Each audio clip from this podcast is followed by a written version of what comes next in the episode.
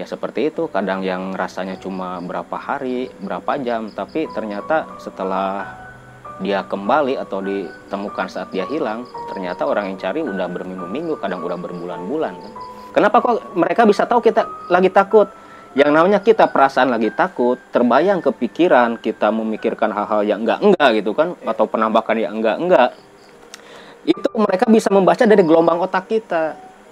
Ada kakek-kakek bawa cangkul dek mau ke mana? Mau turun pak tapi nggak tahu jalan gitu. Udah lurus aja sana. Terus aja lurus nggak boleh noleh-noleh ya. Lurus lurus aja terus kata si bapak-bapak itu. Muka si jenazah kan kelihatan dari luar kan udah belum masuk ke rumah masih di luar gitu kan. Allahu Akbar. Ternyata orang yang ngasih saya jalan waktu tersesat yang nyuruh saya turun si bapak itu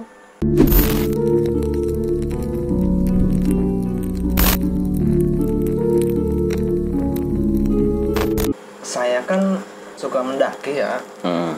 kemarin-kemarin sempet tuh mendaki ke beberapa gunung lah di Jawa Barat gitu. Dan ternyata di situ banyak cerita-cerita yang dari masyarakat tentang hal goibnya baik itu mitosnya ataupun segala rupanya lah.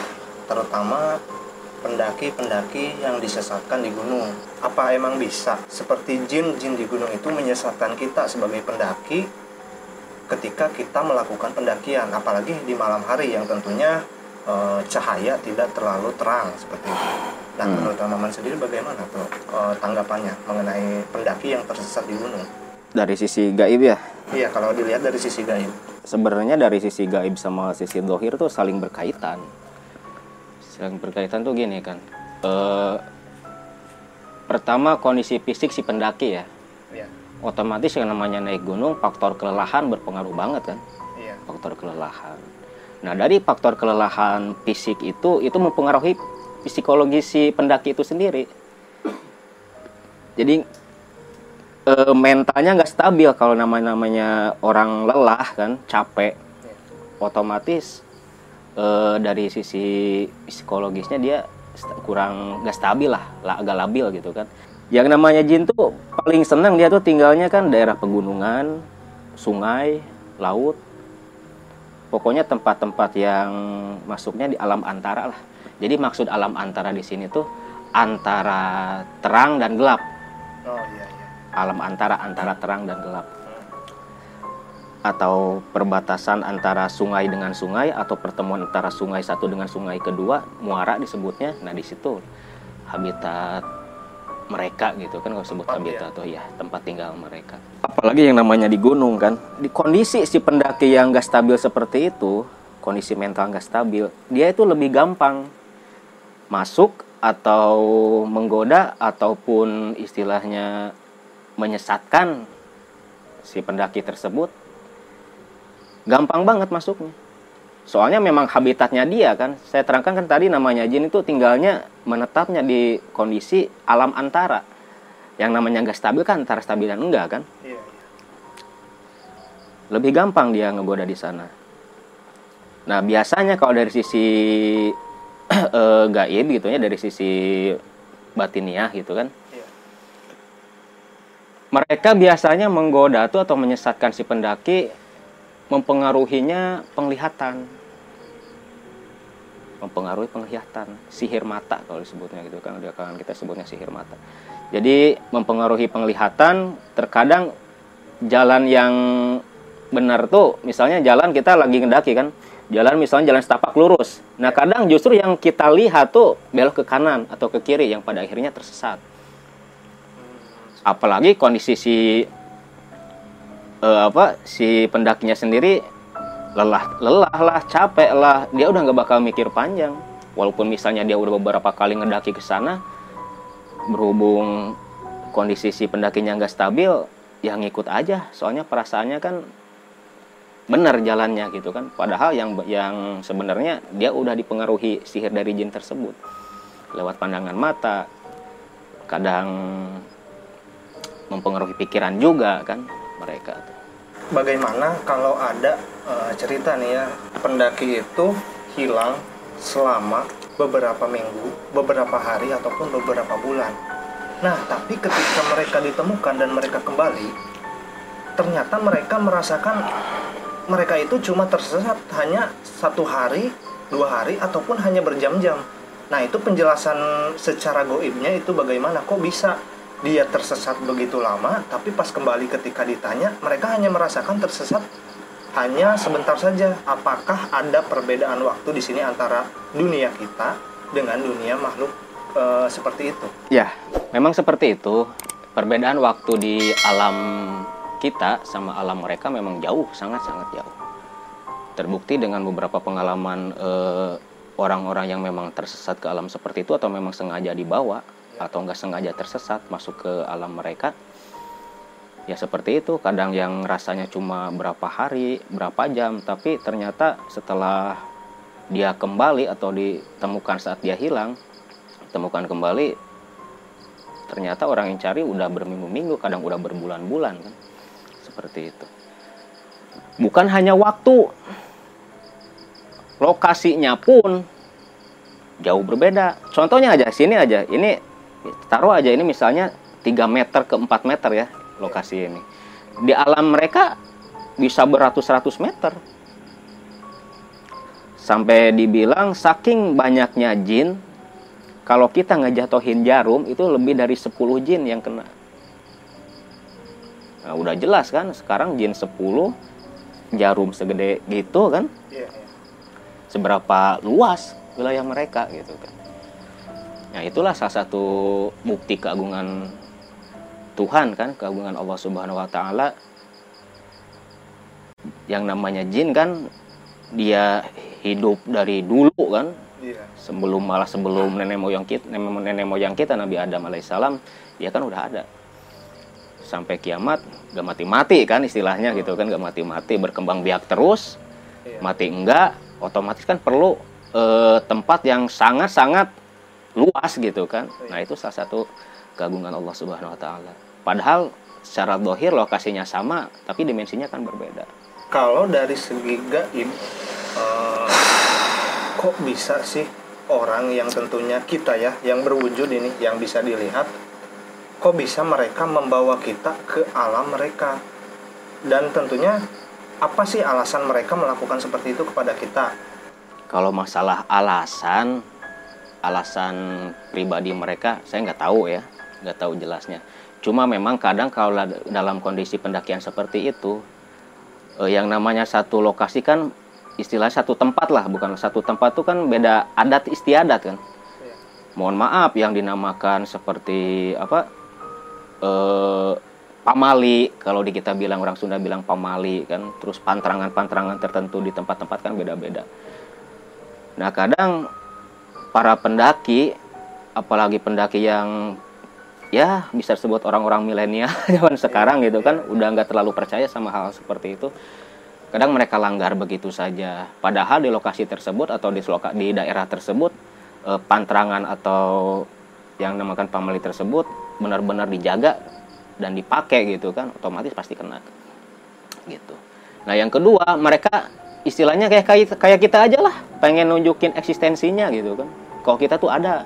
Apa bukan lebih mereka keusil gitu ah? Usil jelas. Yang namanya mereka sebaik-baiknya. Golongan jin itu seburuk-buruknya manusia.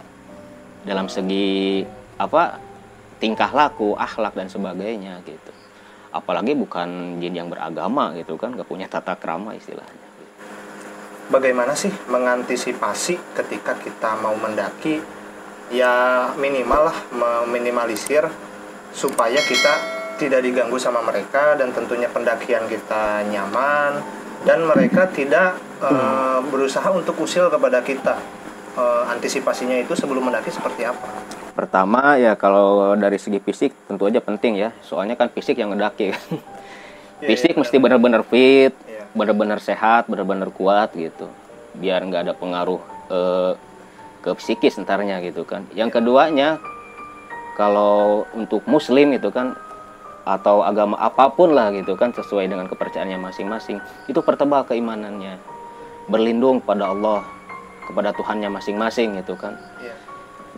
perkuat imannya pertebal imannya. Soal memang kan yang namanya iman manusia itu kan yaji dua janpus. Kalau di kita bilang di Islam kan yaji dua janpus naik turun. Ya dalam kondisi naik dan turunnya itu otomatis nggak stabil kan imannya yang kalau iman udah nggak stabil mereka gampang banget ngedok ngegodanya gitu. Gampang banget mantap itu mesti dijaga. Kualitas keimanan mesti dijaga stabilitas iman tetap dijaga gitu kan. Kalau dalam pendakian ke gunung apa pun fisiknya fit terus eh, kondisi mental kita fit iman tetap dijaga diperkuat dan ibadah juga nggak ditinggalkan. Yang namanya di gunung kan jangan sampai meninggalkan kalau di muslim jangan sampai meninggalkan sholat lima waktu mau dalam kondisi apa pun jangan sampai ditinggalkan. Mau nggak ada air ada air tetap. Mesti dilaksanakan kan? Kalau nggak ada air tinggal tayamum aja kan? Nggak susah. Nah kalau sudah melakukan hal seperti itu insya Allah nggak bakal ada gangguan seperti itu. Dan keduanya tolong jaga. Jaga adat istiadat yang adat istiadat yang berlaku di lokasi tersebut. Kalau ada pantangan-pantangan apa pun tolong jangan sampai dilanggar gitu. Hargailah saling menghargai kan? Saling menghargai.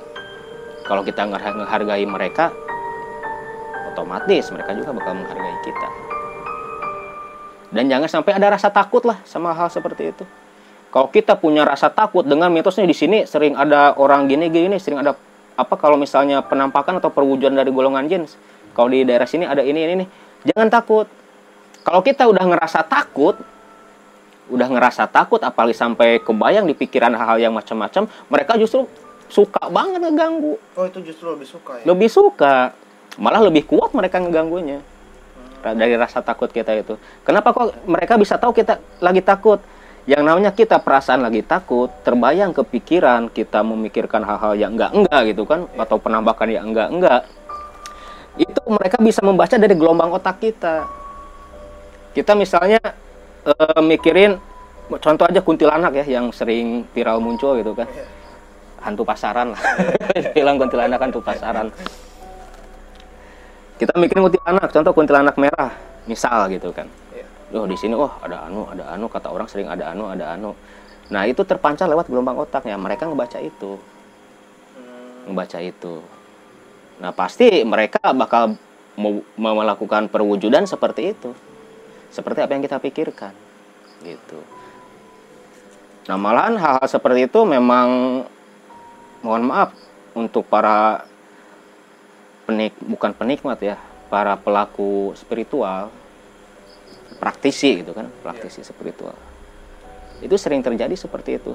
Sering sering terjadi maksudnya gini e, misalnya si A ya datang ke praktisi tertentu punya permasalahan. Datang ke si B selaku praktisi. Kita kadang belum bicara apa pun mereka udah nebak duluan. Oh kamu permasalahannya anu anu anu ya habis anu anu ya misalnya gitu kita kan aneh kok dia bisa tahu? Jangan aneh. Yang namanya kita lagi kalut menghadapi satu permasalahan otomatis kan kepikir terus di kepala kepikiran terus di otak gak tenang. Nah itu jin jin yang mendampingi si B itu si praktisi itu membaca gelombang otak anda dibisikkanlah ke si B gitu. Bukan dia bukannya dia bisa membaca hati nggak ada yang bisa baca hati manusia bukan gak ada saya belum pernah ketemu orang bisa ngebaca hati manusia kecuali pengecualian bukan orang-orang tertentu yang memang udah dibuka kasyapnya gitu kan. Diberi pengetahuan seperti itu. Cuma kebanyakan umumnya seperti itu gitu. tapi kalau misalnya gitu kan kalau misalnya kita lagi ngedaki terus kita jalan puter-puter balik lagi sono balik lagi sono. Kalau misalnya udah ngerasa nih jalan udah lama kok tapi masih di sini-sini aja nggak sampai-sampai masih di sini lagi di sini lagi biasanya kan suka dikasih ciri dulu kan apa mau ditebas dulu lah pohon atau diikat atau gimana sebagai e, tanda gitu kan yeah. dia jalan lagi balik lagi ternyata kembali ke pohon itu ke lokasi itu nah kalau udah kondisi seperti itu nggak tahu kalau di agama lain ya tapi yeah. kalau di kita muslim dan yang sepengetahuan saya kalau mengalami hal seperti itu kita udah e, sadar wah bener nih saya udah berapa kali jalan udah jauh ternyata balik lagi sini tenangin dulu tenangin pikiran tenangin hati tenangin fisik istirahat aja dulu. Di mana kita kondisi fisik dan mental udah agak stabil berdoa. Ya. kalau berdoa kalau nggak gitu azan. Azan aja. Kalau kita udah azan insya Allah jalan yang benar kelihatan. Selama kita yakin selama kita yakin. Nah itu juga saya pernah ngalamin sendiri. Itu dulu waktu umur berapa ya sekitar sekolah kelas 4 SD lah. Jadi waktu kelas 4 SD saya sama kakak sepupu saya lagi nyari jangkrik kan. Iya iya. Lagi musim jangkrik musim kemarau. Nyari jangkrik ke gunung. Namanya Gunung Sumbi. Memang bukan gunung gede gunung kecil tapi kalau buat anak kecil kayak saya dulu kan umur kelas 14 itu gede banget gunung. Gitu kan termasuk uh, hutan yang luas hutannya gitu. Nah, saya berangkat tuh sama kakak sepupu sekitar jam 9 siang lah, jam 9 pagi. Jam 9 berangkat naik berdua. Nah, sampai di puncak nyampe ke puncak. Cuma agak anehnya tuh di puncaknya tuh dikelilingi sama pagar berduri tuh yang dari kawah tuh. iya Nah, terus di tengahnya ada rumah, rumah gubuk gitu kan. Ini pengalaman saya dulu. Rumah gubuk. Kita masuk, nerobos sama kakak sepupu tuh. Nerobos, masuk ke gubuk. Ternyata di dalamnya tuh, kalau dulu kan nggak tahu kok ada kain putih-putih, terus ada apa gitu kan. Kalau sekarang kan kalau udah gede, oh tahu itu tempat ritual gitu kan. Nggak tahu lah, nggak tahu tuh lokasi apa. Pendek ceritanya, kita dapat jangkrik di sana, mau pulang, perasaan jalan tuh masih yang itu-itu aja perasaan tuh tapi pas udah agak lama kok malah masuk hutan bambu. Perasaan tadi waktu naik kita nggak lewatin hutan bambu gitu kan. Itu sampai bayangin aja dari turun tuh abis adzan zuhur iya. itu jam setengah lima masih di di tempat itu? masih di tempat itu. Udah berapa kali jalan kita balik lagi ke sana balik lagi ke sana. Namanya anak kecil kan bingung kita. Nangis malah sempat nangis dulu tuh yang namanya anak kecil kan sempat nangis udah situasi udah agak gelap udah mau masuk maghrib ada kakek kakek ada kakek kakek bawa cangkul. Dek mau ke mana? Mau turun pak tapi nggak tahu jalan gitu. Udah lurus aja sana. Terus aja lurus nggak boleh noleh noleh ya. Lurus lurus aja terus kata si bapak bapak itu. Iya. Nah kita ikuti aja deh sama kakak sepupu ya udah ikuti aja turun sampai kita ke kaki gunung ke kampung ya ke pedesaan di sana. Nah pas turun itu udah azan maghrib turun kalau ke bawah tuh. Turun di bawah sampai adzan maghrib kita lihat kerumunan orang. Iya. Saya bilang kan sama kakak saya AA kan saya bilangnya ah itu ada banyak orang lagi ngapain sih? Ya udah tanya aja tanya aja. Ikut kan nyamper ternyata lagi ngerubungi jenazah jenazah iya. Ngerubungi jenazah ada yang meninggal. Saya tanya pak ini ada yang meninggal? Iya deh ada yang meninggal. Pas saya kan masih kondisi masih di luar kan belum eh, baru di kayak baru diangkut lah gitu kalau kayak baru dibawa ke rumah ke rumah si eh, almarhum gitu kan. Iya. saya lihat muka dia muka si jenazah kan kelihatan dari luar kan udah belum masuk ke rumah masih di luar gitu kan. Kayak yang habis ditandu lah gitu. Allahu Akbar. Ternyata orang yang ngasih saya jalan waktu tersesat yang nyuruh saya turun si bapak itu. Bajunya juga sama masih pakai baju yang itu. Pas saya tanya ini di saya nggak banyak ngomong kan takut disangka yang nggak enggak kan sama warga di situ. Pak saya nanya pak itu si bapak matinya kenapa oh dia itu waktu lagi nyanggul di gunung katanya kepleset. Kepleset kata temennya tuh terus kepalanya kena batu meninggal di tempat. Nah itulah. Bener-bener ya. walau alam bener-bener nggak nyangka gitu. Ternyata orang dan katanya diketemuannya asar loh. Diketemuinya itu jenazah itu asar. Iya. Pada asar sedangkan waktu kondisi itu kan saya masih di gunung dan mungkin nggak terlalu jauh lah waktu si bapak diketemukan dan waktu si bapak bilang ke saya ngasih petunjuk jalan gitu kan. Bener-bener aneh tapi si bapak itu pas ngasih petunjuk jalan ah itu emang kelihatan orang apa orang jelas orang. Jelas-jelas orang kelihatannya jelas-jelas orang. Nggak ada perbedaan lah ceples banget gitu mirip banget. Oh jelas-jelas orang. Cuman nggak tahu juga lah. Ya mungkin nggak tahu mungkin jin yang di sana mungkin ada yang namanya jin kan kayak manusia juga kan ada yang baik ada yang jahat gitu kan. Ada yang beragama ada yang enggak. Mungkin jin yang baik di sana mungkin itu kan. Istilahnya kasihan mungkin lah anak kecil kesesat di hutan gitu kan. Terus ngasih petunjuk cuma dia e, menyerupai si bapak itu. Nggak tahu juga gitu kan. Ini salah satu pengalaman